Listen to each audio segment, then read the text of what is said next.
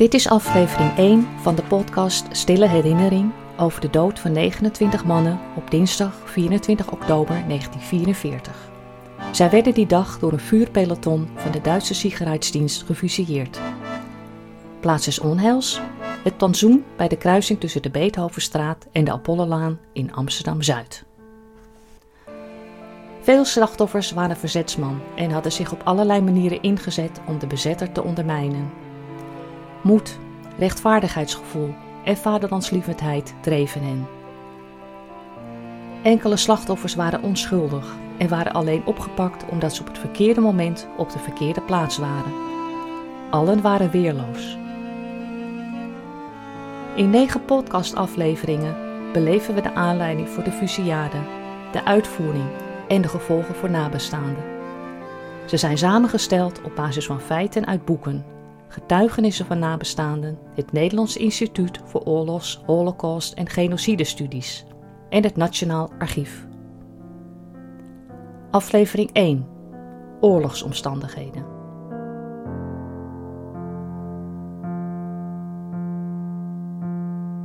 Het is begin oktober 1944.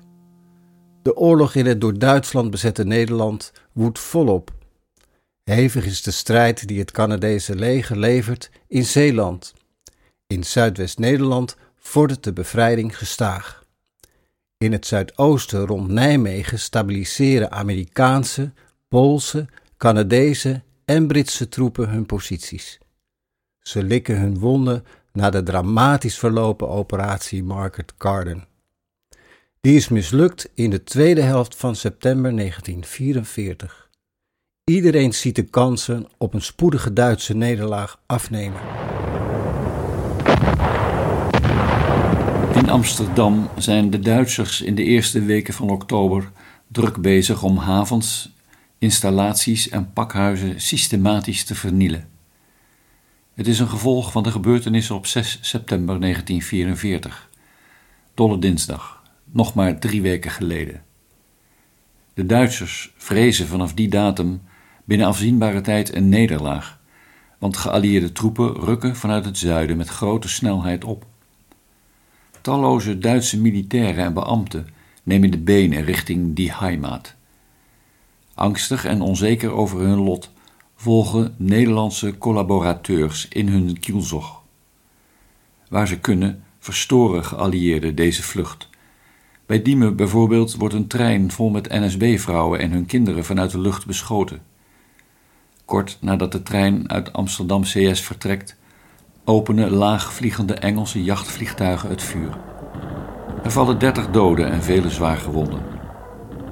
De NSB-vrouwen hadden geprobeerd, op aanwijzing van hun echtgenoten, te vluchten naar Duitsland. In heel Nederland waren burgers op Dolle Dinsdag, dol van vreugde, de straat op gegaan. De bezetter had iedereen keihard in hun huizen teruggejaagd. Daarbij waren talloze doden gevallen, onschuldige feestvierers die al zo lang verlangden naar afwerping van het Duitse juk.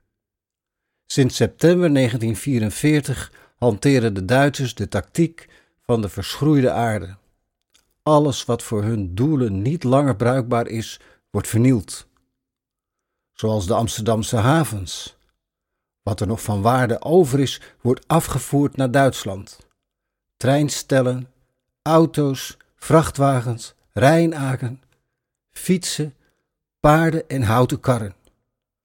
Amsterdammers zien het gebeuren. Duitse beambten van de Sicherheidsdienst, de SD, zijn al dagen op grote schaal bezig documenten te verbranden. Op de binnenplaats van het gevreesde hoofdkwartier van de SD in de Uitterpenstraat gaan duizenden documenten in rook op. Voor de verbranding is van lege olievaten een stalen buitenkachel gesmeed. Vanuit een geopend raam in zijn werkkamer op de eerste verdieping slaat de 43-jarige SD-chef Willy Lages het tafereel gade.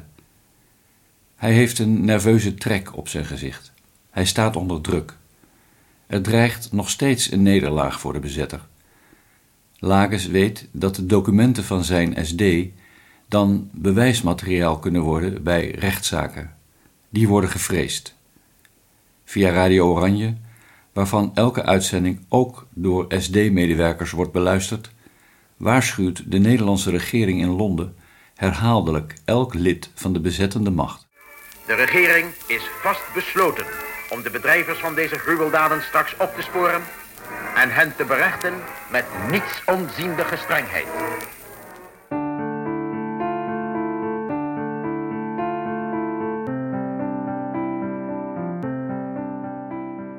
Er woedt in Amsterdam ook een strijd vanuit het verzet, dat de bezetter op alle mogelijke manieren tracht te ontregelen. Er zijn aanslagen met explosieven op zendinstallaties, energievoorzieningen, legervoertuigen, treinen, spoorwegknooppunten en ook op NSB'ers. Het succes is wisselend. Verzetsmensen zijn geen ervaren aanslagplegers en soms mislukt een actie geheel of gedeeltelijk. Maar vaak is het ook raak. De bezetter slaat altijd terug met keiharde represaillemaatregelen. Regelmatig worden groepen verzetstrijders, mannen en vrouwen, door de Sicherheidsdienst opgepakt. Bij gruwelijke verhoren laten sommigen van hen belangrijke informatie los over andere verzetstrijders. Waar mogelijk worden ook die onmiddellijk gearresteerd. De meeste worden gedeporteerd naar concentratiekampen in Duitsland en Polen en zullen nooit terugkeren. En toch, steeds weer leeft het verzet op en nemen nieuwe moedige burgers opengevallen posities in. Zo heeft de knokploeg Amsterdam net weer een nieuwe leider nadat de vorige is opgepakt en gefusilleerd. De nieuwe man is de 29-jarige Tinus Vermeer. Hij heeft zijn groep in korte tijd weer helemaal op poten. Een nieuwe reeks grote en kleine aanslagen in en om Amsterdam wordt voorbereid. De meer en meer gehate Duitsers raken steeds verder in de netten van hun eigen verbetenheid verstrikt.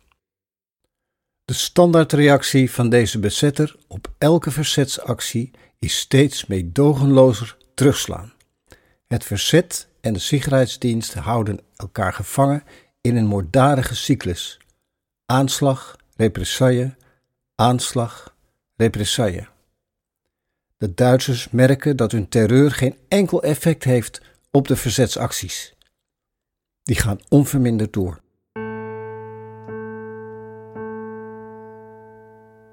SD-chef Wilhelm Paul Franz Lages voelt van alle kanten druk. Een mogelijke Duitse nederlaag en het Amsterdamse verzet bedreigen zijn toekomst. En dan is er ook nog de baas van de Gestapo in Berlijn die achter hem aan zit. Dat is de gevreesde Heinrich Himmler, voor wie elke SD-chef in het bezette Europa siddert. Himmler vindt dat Lages veel te slap optreedt tegen verzetstrijders dat ze nog steeds aanslagen plegen en daarmee de bezetter op tal van manieren ontregelen, ziet hij daarvoor als bewijs. Himmler zit Willy Lages voortdurend achter zijn vodden via Eberhard Schöngart. Hij is de hoogste baas van de Sicherheidsdienst in Nederland. Sinds het decreet van 30 juli 1944, uitgevaardigd door Adolf Hitler, hebben alle lagere commandanten in bezet Europa al enkele maanden meer mogelijkheden om represaillemaatregelen te nemen zonder eerst hun superieuren te raadplegen. Maar het is in de strakke nazi altijd riskant gebleken om beslissingen te nemen zonder dekking van een hogere in rang. Als represailles verkeerd uitpakken, kun je zomaar ineens op een vernederende manier gedegradeerd worden of je belandt aan het oostfront. Maar Willy Lages blijft tot nu toe aan de veilige kant en voert de vele regels en procedures stipt uit. In een woning aan de Koninginnenweg in Amsterdam is een bespreking gaande van de top van de knokploeg Amsterdam, de KPA. Hun nieuwe leider, Tinus Vermeer, luistert naar de politiemannen Pieter Elias en Arend Japin. Zij hebben een tijd lang met hulp van veel andere verzetsmensen allerlei medewerkers van de Sicherheidsdienst gevolgd. Het doel was erachter te komen met welke Nederlanders de SD'ers contacten hadden. Zo wilde de KPA erachter komen welke verraders er bij verzetsgroepen geïnfiltreerd zijn.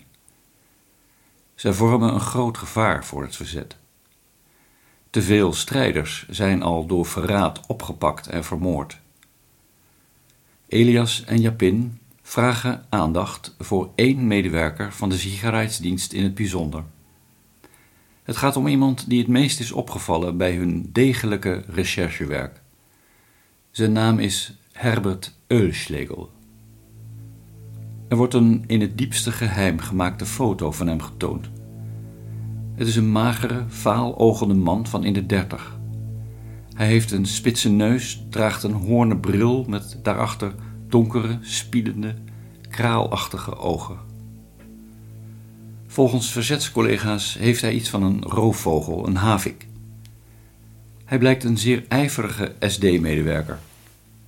Zijn contacten met Nederlanders die van collaboratie worden verdacht blijken talrijk.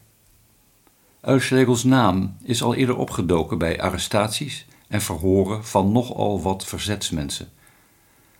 Uit gelekte gevangenisberichten bleek Euslegel een geslepen ondervrager die zeer goed Nederlands sprak. In verzetskringen was al een aantal keer voor hem gewaarschuwd. Wanneer je werd opgepakt en door hem verhoord, moest je meer dan op je hoede zijn. En keek hem vooral niet aan, want hij kon je hypnotiseren met zijn kraalogen. Elias en Japin adviseren om Euslegel met een nieuw te vormen groep volgers voor een week of drie nader te observeren. Zo moet het lukken om zijn verradersnetwerk nauwkeuriger in kaart te brengen. Dat zal de basis zijn voor een strategie om dat netwerk zo grondig mogelijk te verstoren. Er wordt direct ingestemd met dit plan. Elias en Japin worden gecomplimenteerd met hun uitstekende werk. Zij hebben een grote groep verzetsmensen getraind die van inmiddels talloze SD'ers de gangen zijn nagegaan. Deze omvangrijke groep van zogenaamde volgers heeft al veel bruikbare informatie opgebracht, zonder zichzelf ook maar één keer te verraden. De groep is een nieuw en belangrijk wapen voor de KPA, met dank aan het doorgewinterde en professionele duo Elias en Japin. Zij vertrekken om hun observatieplan in gang te zetten.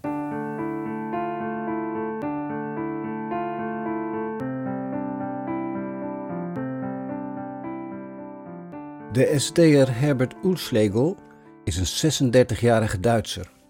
Hij kent Nederland goed omdat hij sinds zijn 20ste levensjaar in Den Haag had gewerkt voor een internationale organisatie van vakmensen in de goud, juwelen en zilverbranche.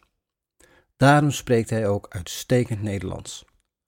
Toen de Tweede Wereldoorlog uitbrak, werd hij om die reden direct tolk bij de Sicherheidsdienst in Den Haag. Oelslegel had daar goed gepresteerd en was zelfs onderscheiden. In 1942 werd zijn vaste standplaats Amsterdam. Er waren aanwijzingen dat Oeslegel een spion van de Gestapo was. De Sicherheidsdiensten resorteerden namelijk onder de Gestapo, waarvan de al eerder genoemde Heinrich Himmler de hoogste baas was. Hogere ambtenaren in Berlijn zouden Oeslegel vanwege zijn verdiensten voor de Haagse SD doelbewust naar de Sicherheidsdienst in Amsterdam hebben gestuurd. Zij wilden van hem informatie over de werkwijze en de resultaten van de Amsterdamse SD-chef Willy Lages. Het was een bekende tactiek van de nazi-top in Berlijn om bij eigen diensten spionnen te plaatsen. Dat leverde natuurlijk informatie op, maar bevorderde ook het onderlinge wantrouwen tussen medewerkers.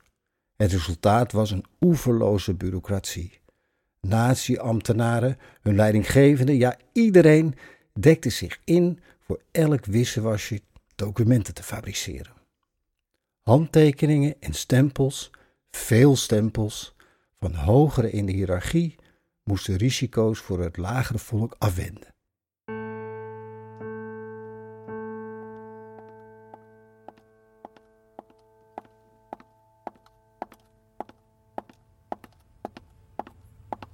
Iets eerder in de tijd, eind september 1944, verlaat Herbert Eulschlegel het hoofdkwartier van de Sicherheidsdienst in de Amsterdamse Uitterpenstraat. Hij is lopend. Er wacht voor de deur geen auto op hem, want zijn rang is de allerlaagste die de SD kent. Polizeiangestelter, een soort hulprechercheur. Eulschlegel heeft geen uniform, maar draagt burgerkleding met daarover een beige regenjas. In zijn hand de donkerbruine aktentas die hij overal mee naartoe neemt.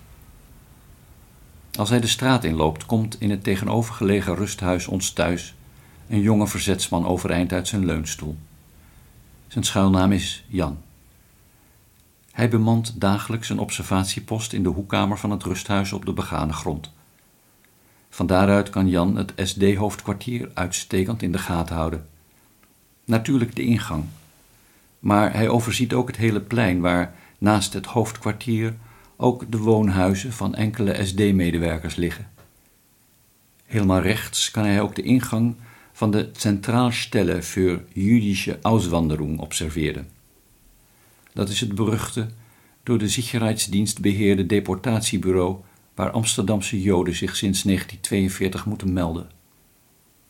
Jan herkent Eulschlegel van de geheime foto die zijn collega's maakten. Hij geeft twee vrouwen die ook in de kamer zitten een teken. Ze zitten kant-en-klaar, gekleed in onopvallende mantels met een sjaal om hun hoofd geknoopt. Het zijn volgers. Op Jans teken staan ze op, pakken hun boodschappentassen en lopen de voordeur van het rusthuis uit. Er wordt geen woord gesproken.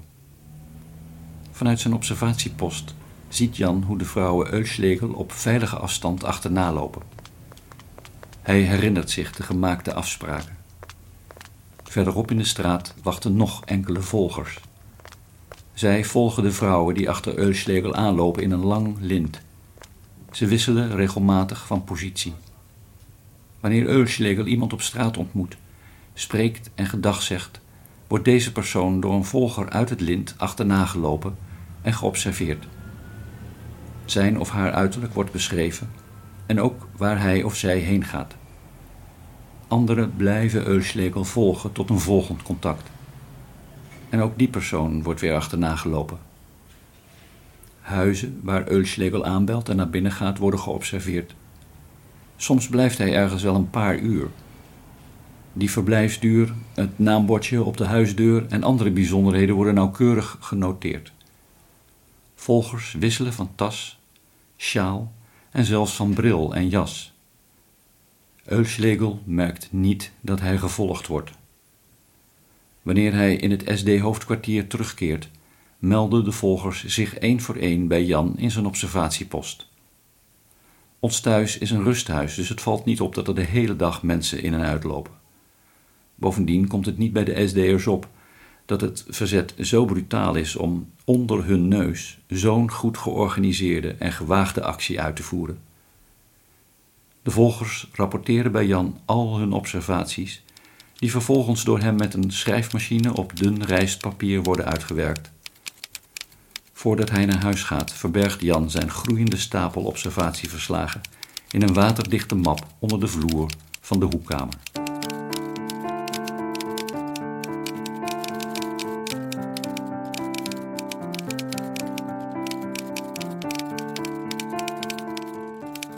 Na verloop van drie weken ontstaat er een verslag over Oelslegel dat door Pieter Elias en Arend Japin nauwkeurig wordt bestudeerd. Via hun eigen contacten hebben zij zelf ook nog informatie over hem ingewonnen. Het beeld dat is ontstaan verontrust. Oelslegel blijkt allerlei contacten te hebben met figuren binnen verschillende onderafdelingen van de knokploeg Amsterdam. Die worden al langer verdacht van contacten met de SD, maar er is geen bewijs. Dat is er nu wel. Ook in andere verzetsgroepen zitten verdachte figuren die Oelslegel regelmatig kort op straat blijken te ontmoeten. Het meest verontrustend zijn de contacten die Oelslegel blijkt te hebben met infiltranten binnen de Centrale Inlichtingendienst. Dat is een geheim samenwerkingsorgaan van een aantal landelijke verzetsorganisaties. Via een geheim telefoon- en telexnet van het staatsbedrijf PTT hebben ze contact met elkaar. Ze wisselen informatie en waarschuwingen uit en stemmen verzetsacties af. Ook is er via dit netwerk rechtstreeks contact met de regering in Londen. Verstoring zou rampzalige gevolgen hebben voor het hele Nederlandse verzet. Elias en Japin bespreken de zaak met knokboek Amsterdam-leider Tinus Vermeer. Hij deelt hun zorg en roept meteen een spoedvergadering van de kopmannen van de verzetsgroep bij elkaar.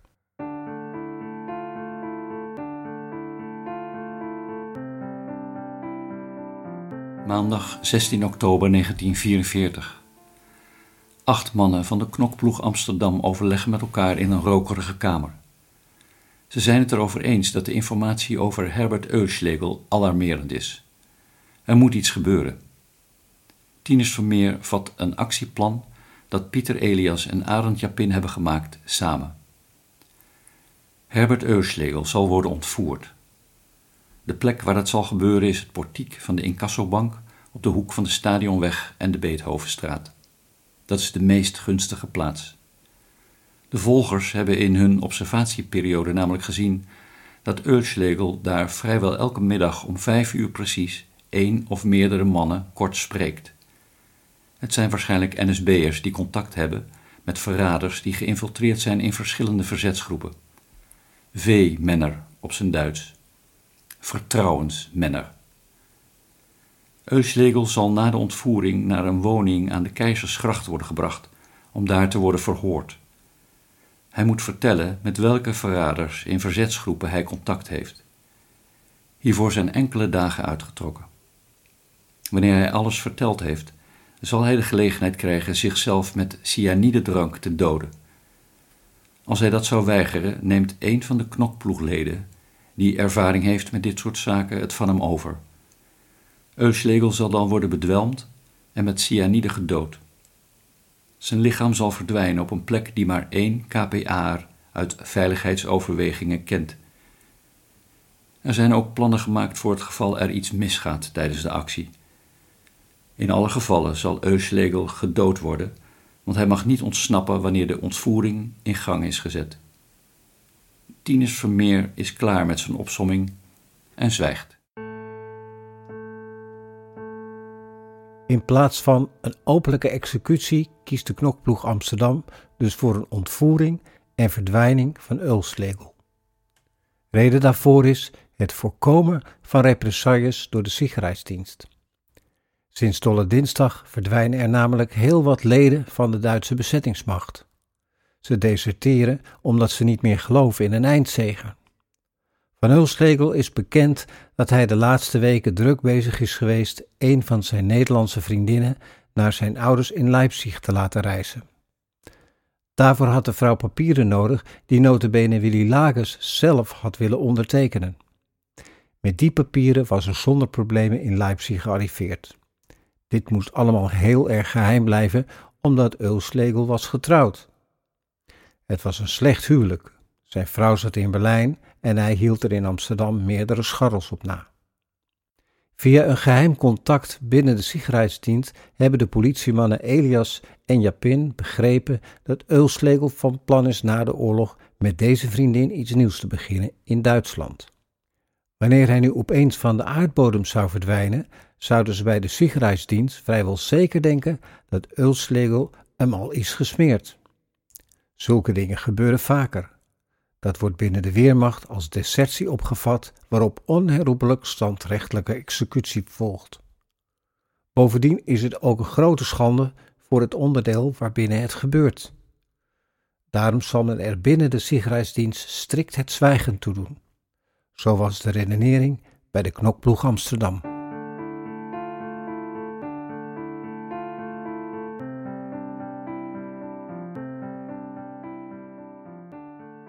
Er is nog een reden waarom de verdwijning van Eulschlegel voor het hele verzet veel oplevert. Pieter Elias en Arend Japin wijzen de knokploegleden erop dat zij via hun contactpersoon bij de SD hebben begrepen dat Eulschlegel een zogenaamde eenpitter is. Hij houdt alle kennis van zijn werk, contacten met informanten en vermoedens van verzetsnetwerken helemaal voor zichzelf. Hij deelt niets met zijn collega's. Eulschlegel minacht hen en noemt ze zelfs met enige regelmaat Schund, uitschot, en Ramsch, rotzooi. Zijn bureau op de gemeenschappelijke werkkamer van de politieangestelten in het SD-hoofdkwartier ruimt hij elke dag zorgvuldig helemaal leeg. Papieren verdwijnen achter slot en grendel of in zijn tas. De vermoedelijke veemenner die hij dagelijks spreekt in het portiek van het filiaal van de incassobank, ontmoet hij daar omdat hij ze niet op kantoor wil ontvangen. Dan zouden zijn collega's hen ook kunnen leren kennen en dat wil hij voorkomen. Het zijn zijn contacten. Euslegels gedrag irriteert zijn collega's in hoge mate. Hij is bepaald niet geliefd, in tegendeel. Alleen SD-chef Willy Lages is erg met hem ingenomen. Met hem bespreekt Euslegel wel het een en ander. Dat heeft hem bij zijn collega's de bijnaam Schmeichler, vleier, opgeleverd. Elias en Japin besluiten hun toelichting.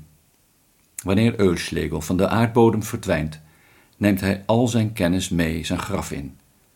Zijn onverwachte verdwijning kan uitpakken als een meesterzet van het verzet in het grimmige schaakspel met de gehate bezetter. Het wordt stil in de kamer. De acht verzetsmannen kijken ernstig. Er is een doodvonnis geveld en dat voelt voor allen zwaar. Ook al betreft het een gevaarlijke natie. Maar Eulschlegel is ook een mens, een man, een echtgenoot en vader. De mannen staan er niet al te lang bij stil.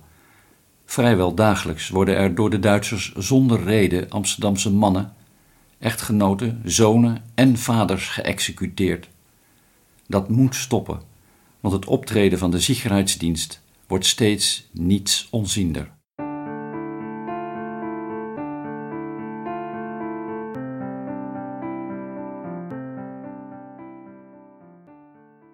Een datum voor de actie moet nog worden bepaald, maar het zal niet lang meer duren. De taken worden verdeeld. Voor het vaderland, zegt Tinus Vermeer tenslotte vol overtuiging en sluit de vergadering. Ieder gaat zijns weegs. Maandag 23 oktober 1944. In de vroege morgen ontvangt knokploegleider Tinus Vermeer nieuws via bericht nummer 126 van de BBC. Hier volgt eerst een bericht voor de ondergrondse verzetsbeweging in Nederland. De Duitse Sicherheidsdienst is van plan, juist in de grote steden, onmiddellijk uitgebreide razzia's te houden om de ondergrondse uit te schakelen. Men zij zeer voorzichtig en voortdurend op zijn hoede.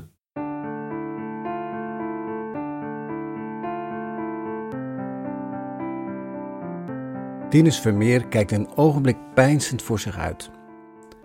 Dan besluit hij een spoedvergadering te organiseren van de knokploeg Amsterdam via het geheime alarmsysteem. En zo zitten om 11 uur die ochtend de acht mannen opnieuw bij elkaar.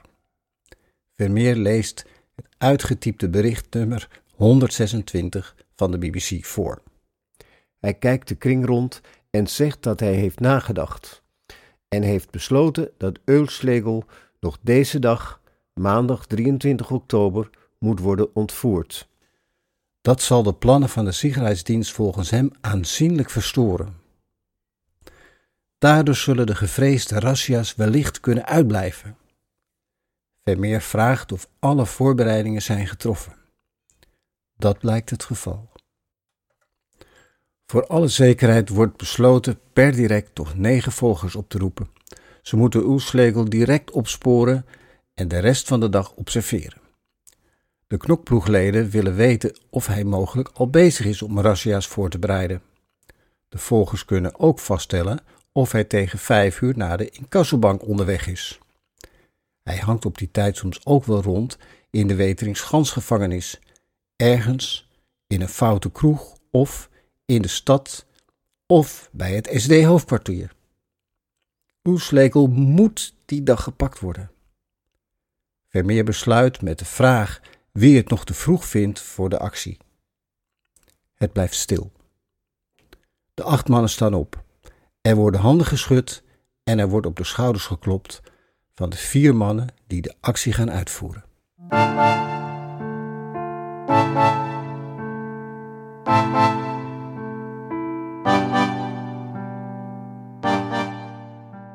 Het is maandagmiddag 23 oktober 1944, half vijf. Vier mannen zitten in een grote zwarte Citroën persoonauto te wachten in een kleine zijstraat van de stadionweg. Matthäus Vens zit in een Duits officiersuniform van Sturmbannführer met zijn pet op aan het stuur. De motor draait. Hij gaat Eulschlegel straks vanuit de auto in het Duits de weg vragen naar het SD-hoofdkwartier in de Euterpestraße. Dat is vlak om de hoek. Het uniform van Vens is een slimme vermomming. Duitse officieren in een auto worden nooit aangehouden door de Amsterdamse politie of Grüne Polizei. En daarbij, Euslegels baas Willy Lages is ook Sturmbannführer. Dus de gezaggevoelige Euslegel zal best even de weg willen wijzen en verder geen vragen stellen. Vens spreekt uitstekend Duits vanwege zijn zakelijke contacten. Tijdens het gesprek zullen Jaap Davids en Fred Dikhout langzaam uit de auto stappen om zich zogenaamd even uit te rekken. Ze hebben lange, dure, zwarte leren jassen aan, een hoed op en kunnen zomaar doorgaan voor hoge Gestapo-ambtenaren. Alle kleding is twee maanden geleden door leden van de KPA gestolen uit een gemeenschaftshuis van de Sicherheidsdienst. Dat is een soort pension voor Duitse SD-ambtenaren. Ze waren furieus. Bij de actie is ook een grote partij wapens en munitie buitgemaakt. Het vuurwapen dat Jaap Davids bij zich heeft, is daaruit afkomstig. Davids en Dikhout zullen zich onopvallend links en rechts van Eulschlegel opstellen. Op een afgesproken teken zullen ze hem vastpakken en een flinke tik op zijn hoofd geven met een kleine gummiknuppel.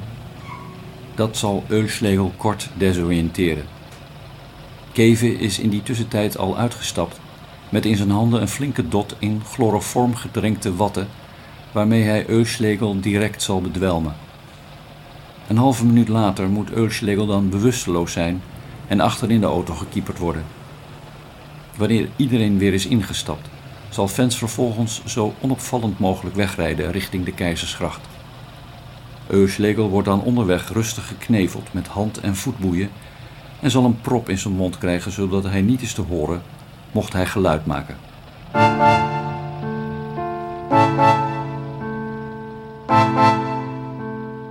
Dit was aflevering 1 van de podcast Stille Herinnering. In aflevering 2 horen we of de vier mannen, Keven, Davids, Vens en Dikhout, erin slagen om Herbert Ulslekel te pakken te krijgen.